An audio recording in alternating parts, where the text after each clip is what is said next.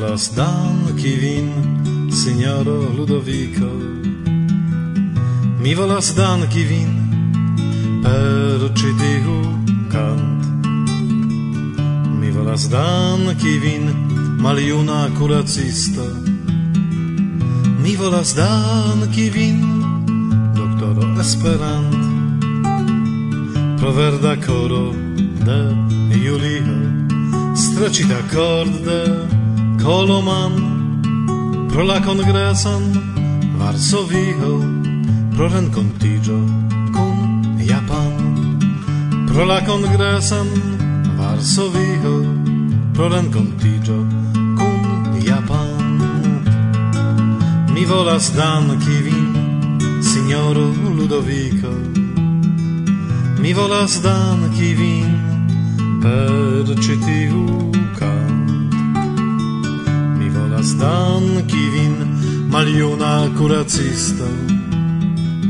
Mi volas danki vin, doktoro Esperant, pro la amikoj el Francio, el Germanio kaj Kanado, el Italio kaj Hungario, pro belulin el Leningrad, el Italio kaj Hungario.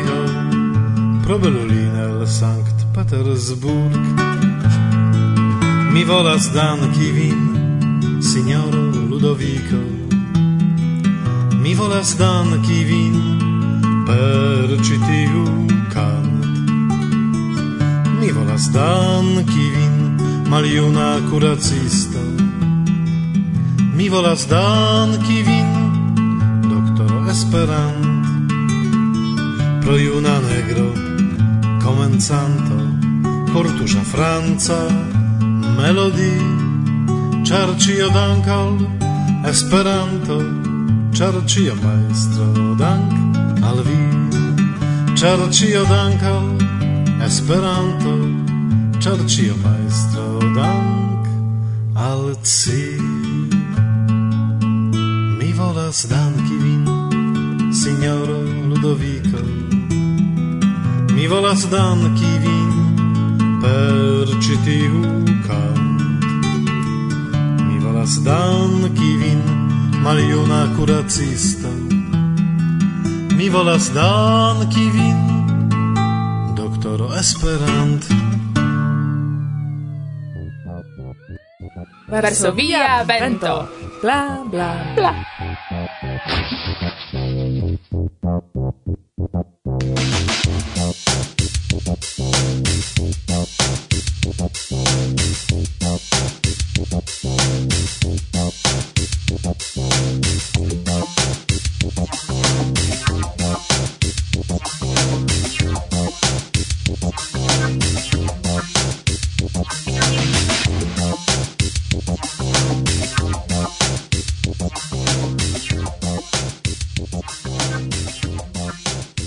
hodiaŭ eh, dimanĉe kiam ni komencis finmonti la elsendon por ke vi morgaŭ ĝin jam ricevu en la reto kaj aŭskultu estas la dekkvina de decembro. La dato signifa por ni ĉiuj kvazaŭ festa ĉar eh, ĝuste la dekkvinan de decembro en eh, 1859 naskiĝis kreinto de Esperanto Ludovico Lazaro Zamenhof. Tiun tagon, la fontoi diras pri neĝa vespero, neniu supposis che con eta infano venis en la mondon ancau nova sento. Espero, che en la batalanta cruele mondo iam povas esti alie, sen militoi, sen malamo inter la homoi. Tamen eh, povas ne signifas devas. Ekde nascigio de homo, dank al la ideo cae laboro de kiu nun ni povas paroli al vi cae vi nin comprenas, Pasis iam cent quindec kvar iaroi cae pludauras militoi cae triumfas malamo. Cio gene kaj tute kontraŭracie, ancao inter nimem, la esperantistoj. Yes, eh, gis compreno che antaudio ciuni samas, sen depende de la differenzoi. Felice ni, la monda familio de la internazia lingvo iam maturigis. Restis nur problemoi de la homai ecoi, malsana ambizio, nehonestezo cae egoismo. Sed plu existas la espero, la profunda convinco che malgrau ciui baroi estos alie che la revo de Ludovico pri la tutmonda plena da felicio familio finfine iam realigios. Sed eh, tio ne eblos sen ni. Sciu tion kai vivu kun la scio. Mi consentas, plene. Ankaŭ mi. Sed kiel ne rigardi, tamen temas pri gioia festo. Ne estu ni do nur tristai kaj reflexemai, Ancau gioiu ni, kai en la gioio salutu ni unu la alian. Saluton, Goszka. Saluton, Martusiu. Jes, do ni salutu nin, porque ne pri la revo nur ni parolu, sed ancau gin creu. Vi pravas. Festu ni do, kial ne, sed en tiu festado ne forgesu ni pri la radicoi, de kie ni venis, cae kion celas ni. Yes, do almenau por momento, antau ol ni presentus al vila la aliajn revenu ni alla comenzo. Alla pensoi de Ludovico Lazaro mem, okaze de la datreveno de lia nascigio. En kio helpos Jerzy Fornal, nia amiko, kunlaboranto, granda aktoro de Esperantujo, kiu bedaŭrinde ne plu estas inter ni. Salutas do ni vin, Jerzy, kie ein vi estas nun, kaj se hazarde vi renkontas hodiaŭ Ludovicon. Menciu al di, ke la tuta koro ni dankas pro la internacia lingvo. Kaj ni salutas vin ciuin, karaj aŭskultantoj, kie ein niaj voĉoj atingas vin, okaze de la Zamenhofa festo. Bla, bla. Bla. bla.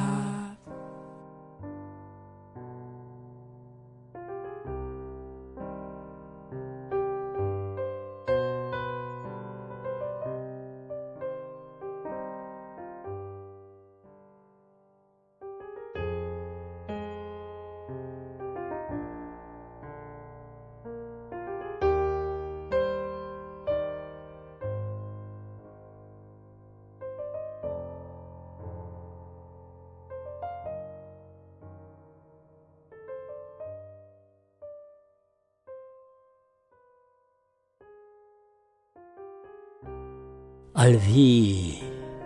O potenza sen corpa mistero, fortego la mondon reganta. Al vi granda fonto del amo, cae vero, cae fonto de vivo constanta. Al vi cium ciui malsame presentas, sed ciui egale in coro vincentas. Al vi kiu creas, al vi kiu regas, hodiau ni pregas. Al vi ni ne venis cun credo nazia, cun dogmoi de blinda fervoro. Silentas nur ciu disput religia, cae regas nur credo de coro. Cun gi ciu estas ce ciui egala, cun gi la plei vera, sen trudo batala, ni staras nun filoi del tuta homaro ce via altaro. Homaron vi creis perfecte, cae belle, sed gis individis batale, popolo popolon atacas cruele, frat fraton atacas shacale. Ho, kiu ain estas vi forto mistera, auscultu la vocion del pregio sincera, redonu la pacon alla infanaro del granda homaro. Ni juris labori, ni juris batali por reunu igil homaron. Subtenu nin forto, ne lasu nin fali, sed lasu nin venci la baron. Donacu vi benon al nia laboro, donacu vi forton al nia fervoro, che ciam ni contrau attacoi sovagiai nin tenu curagiai. La verdan standardon tre alte ni tenos, gi signas la bonon cae belon, la forto mistera, del mondo nin benos cae nian atingos ni celon, ni inter popoloi la muroin detruos, kai iliek cracos, kai iliek bruos, kai falos por ciam, kai amo, kai vero, egrego sur tero. Cunigiu la fratoi, plectigiu la manoi, antauen cun pazai armiloi, Cristanoi, hebreoi au mahometanoi, ni ciui de di estas filoi. Ni ciam memoru pri bon del homaro, cae malgrau malhelpoi, sen halto, cae staro, al frata la celo, ni iru obstine antauen, sen fine.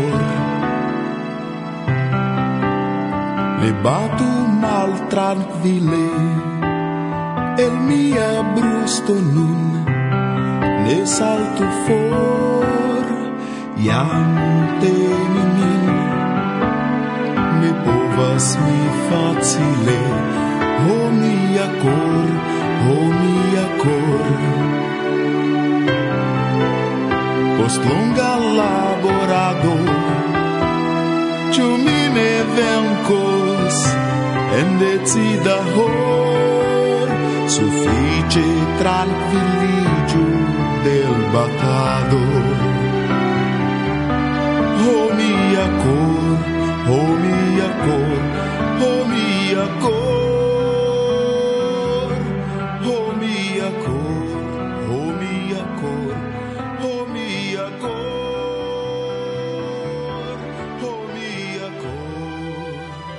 Probable ciu scias kie naskidis creinto de la lingvo internacia, Ludovico Lazaro Zamenhof.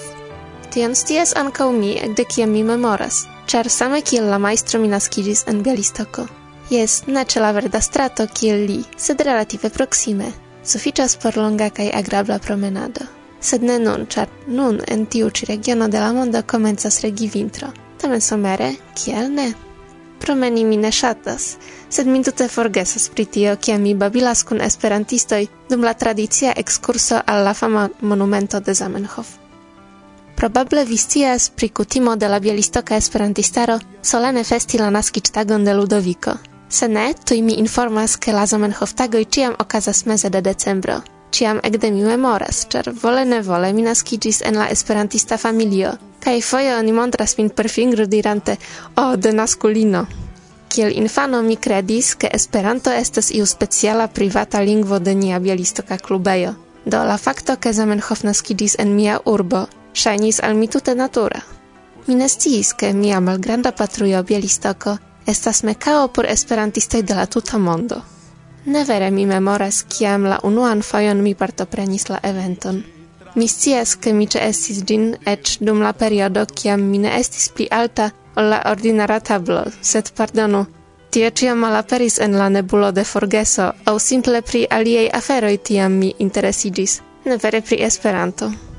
Mi memoras oni diris tion al mi, ke tiam ec mi cantis Esperante, kai tio ege gioigis min.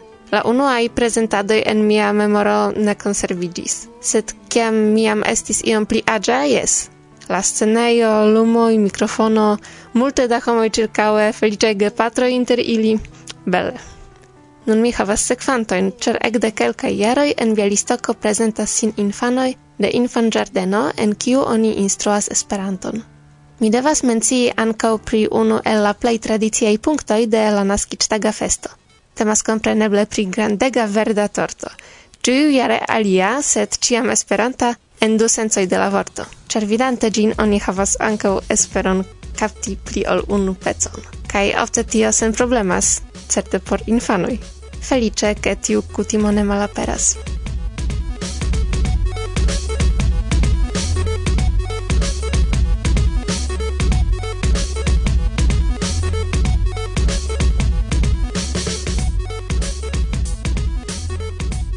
sed ne nur pro sentimento mi opinias Zamenhof tagojn eksterordinaraj. Tio ne estas simple festo de Esperanto, sed vera evento de kultura diverseco, ĉar Bialistoko ja famas pro multlingveco. Ĉiujare oni povas aŭdi kantojn en la belorusa, ukraina, pola kaj ida. La festo estas ligita kun prezentado de junulara ensemblo, kiu performas la judan muzikon. Mi ĝojis spektante teatraĵon prezentitan ankaŭ per blinduloj. Prelegoj ne vere interesis min kiam mi estis infanaĝa. Fakte, ĝis nun mi konsideras ilin nur aldonaĵo al la etoso. Por mi la plej grava parto de la sabata vespero estis ĉiam skrablo-ludado kun gejunuloj. Mi memoras, ke tiamaniere mi konis la unuajn fivortojn en Esperanto. La lastan tagon de la festo kutime fermas tuttaga ekskurso. Tradicie ni malkovras kune iun parton de la Podlahia regiono. Kelkaj plendas pro malvarmo, ĉar tiu parto de Pollando troviĝas nordoriente, kio signifas ke dum la Zamenhoftagoj ĉio estas ofte kovrita de bela blanka neĝo. Sed laŭ mi tio tute ne ĝenas. Mi ne povas imagi tiun feston sen niaj bataloj je pendglacioj kaj antaŭ kristnaska etoso. Do, mi elkore invitas vin ĉiujn al mia urbo. Eble vi ankaŭ ek amos ĝin same forte kiel mi. Big estas ludo,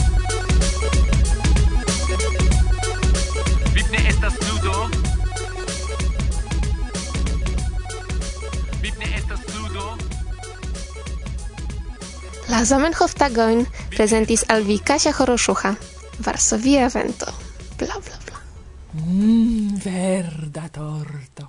Kaj vi ci tie anstataŭ tie? Nu, bedaro, jes, jes, vi pravas. Sed culpas ankaŭ vi.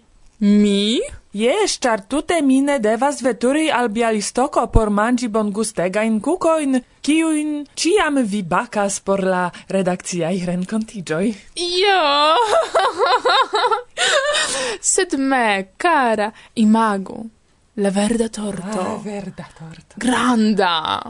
Kaj okaze de naskiĝtago de Ludovico. Mmm, verda torto. Kasia manĝas ĝin nun. Verda torto. Mm. Bone. Se hodiaŭ pri festo ni parolas, revenu ni do al la festo. Tio de la franca junularo. Yes, yes, tiu festo de muziko, de la kulturo esperantista, de ĝojo. Sen torto? Mi ne rimarkis. Ah. Varsovia vento bla bla bla iom neoficiale, se tamen oficiale dum festo rencontigio kun necredeble charma cantistino. Mi estas Nicolin, mi tutcore salutas ciun. Kaj eh, akompanas nin, eh, auscultante la intervion, cestante gin, kaj muzike, kion post momento vi audos. Saluton al ciui, eh, mi nomigas Lorenzo, kaj uh, mi ludas gitaron. Saluton al cioi, mi nomegia Sebastian, cae mi ludas alt violonon. Saluton al cioi, mi estas Irek. Cara Nicolin, kial vi cantas? Por lasi paroli mian coron. Multe da sentoi, da sentimentoi, multe da plesuro, yes. Partigi la plesuron, partigi il plesuron vivi, vivi in citiu belega planedo festo estas granda malcovro por mi. Estas speciala etoso, varma, spontana, sincera. Oni sentas sin tui bone. Oni ne konas sin, oni neniam vidis, kaj la brakoj malfermiĝas. Estas preskaŭ miraklo. Kiel tiel bone vi lernis la lingvon? Mi simple aŭskultis la radion kaj mi audis intervjuon de iu namurano fam conata en Esperantio, Claude Piron. Tion kiu diris tiu viro estis tiel inteligenta, tiel humana, tiel sincera, kaj mi diris jen, mia dua lingvo. Kai tui mi sercis la manieron au la occasion lerni, kai unu monato poste mi trovis Apud la muro, iu fervora esperantisto, kiu donis kursoin, kaj kun aliaj geamikoj ni komencis eklerni kun Renato, kaj post unu jaro, inter septembro kaj junio, mi jam bone elturniĝis. Oni ciam diras che oni besonas praktiki, sen la praktikado oni forgesas. Do ni havis trukon kun geamikoj, dum la semaino ni nin telefonis, kai parolis en Esperanto facila en frazoin kai unu la alian correctis. kai tio estis vere simpla kai granda helpo.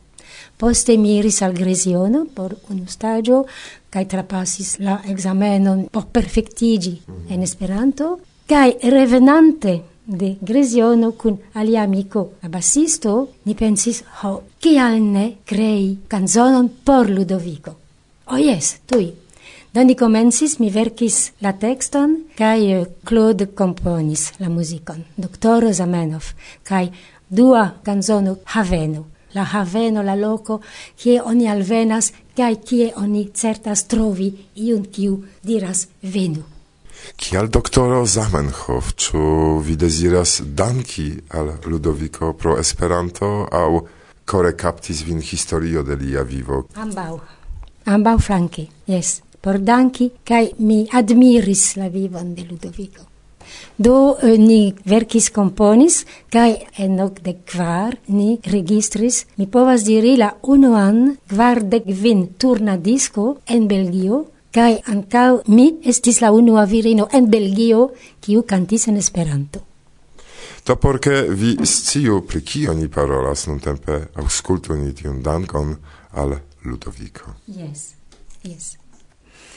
Iuna li conis la sufer de la miscompren inter homoi, lia patro volis che li curatsu corpoin.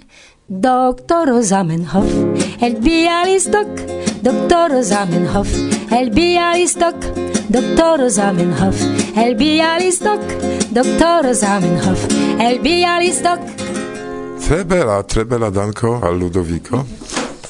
Sa surprizo por mi de longa tempo mi ne plu cantis tien ci canzon, sed mi havas unu exempleron por vi se vi volas. To estis viva exemplo dum intervjuo Nicolin cantis por vi. Ĉu vi lernis canti, kie vi lernis, ĉar uh, via voĉo estas vere bone akordita? Comence mia patrino estis cantistino bel canto, ne dum la tuta vivo, do mi tre ofte, dum mia infanaggio, mi audis sin canti, cae mi ciam shatis canti, sed poste plen cresculino mi ancado ricevis cursoin cun uh, artistino, cantistino, cae poste mi estis sur la voio, cae daure mi clopodis perfectigi. La vocian cae mia filino estas sur la sama voio, sed en alia stilo. Mi audis che vi estas la pionierino, la unua, kiu en Esperanto movado registris kodo diskon. Ĉu estas vero? Yes, en 1934, eble. Mm -hmm. Kaj ĉu vi estis fiera, ke vi helpis al Esperantujo iri en modernan direkton? Kompreneble, yes.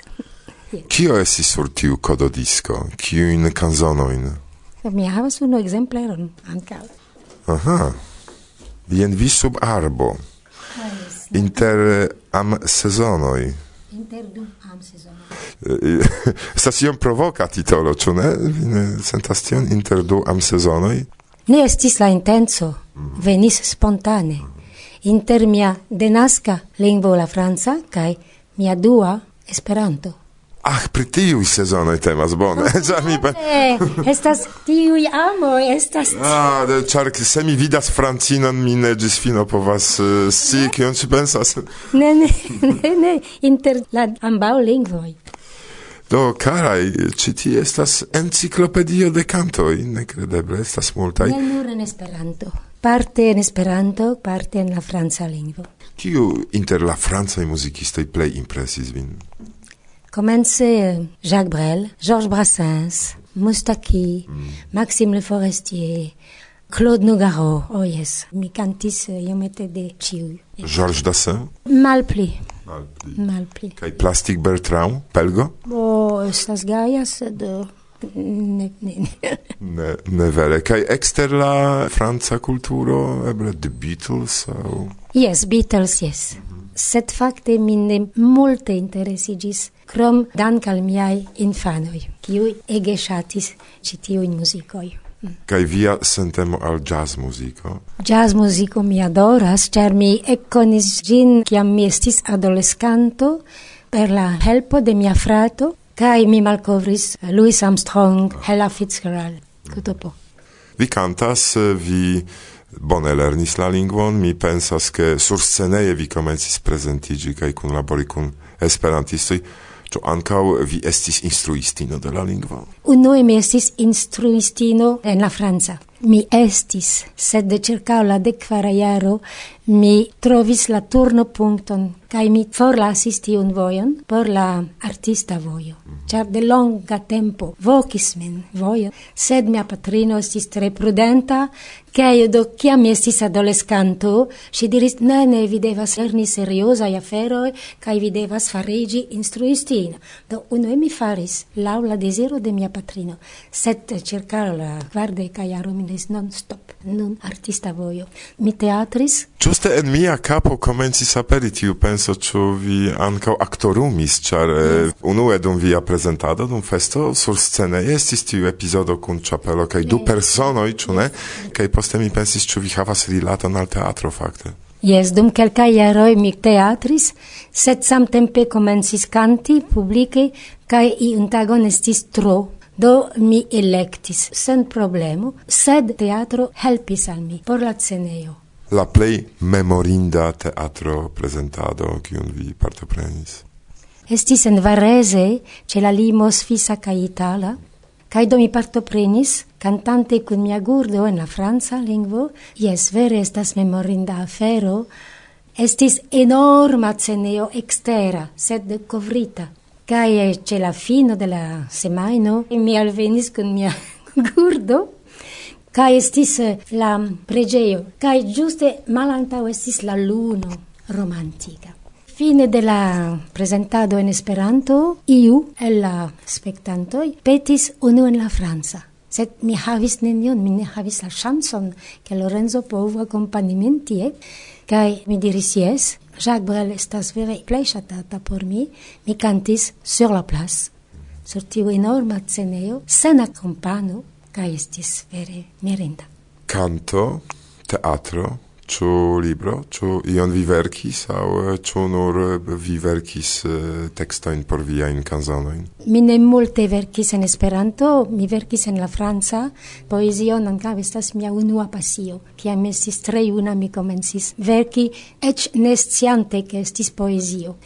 Mi verkis por infanoj, por plenkreskuloj kaj eldonis plurai libretoj Necredeble. Ciam mi audis Nicolin mi de Lorenzo exis tui... Ha, ah, Nicolin, eh, la bona formico.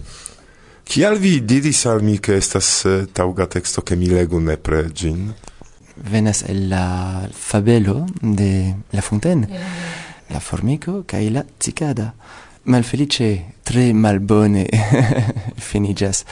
Do Nicolin ŝanĝis iomete la finen de la, la fabelo. La ideo jes vendis de mi, sed la texto estis verkita de Giorgio Silfer, anca conata en Esperantio, tu ne? Kaj la musico estis componita de Gerardo Tarallo. Speciale por Esperanto, speciale por Nicolin, Char. estis uh, nia comuna ideo.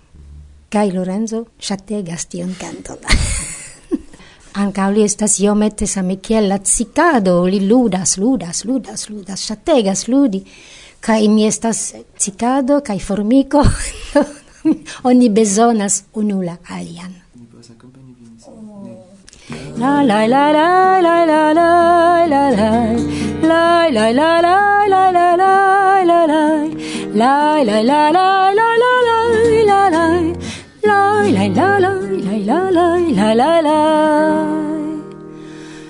Fluas sargenete sub son river Ore radias tral camp somer Gaie refrenas jam nun cicad Penas formico en graina plucad.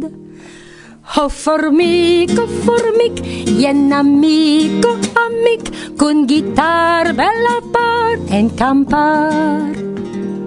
Sage vi penas laboras sen fin, ricion vi trenas cae gardo sentin.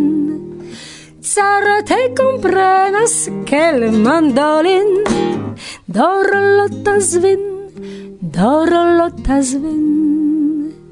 Iam pam para iam pam pam pa iam pam para iam pam pam pam Brava formico mi shatas vin.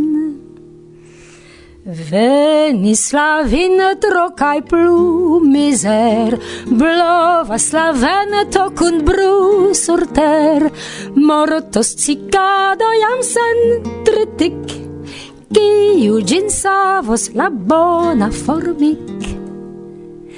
Ho formico, formic, jen amico, amic, cun gitar set sen var tralaiar. Sage mi penis, riposas post fin, ricion mi trenis, cae garda sentin.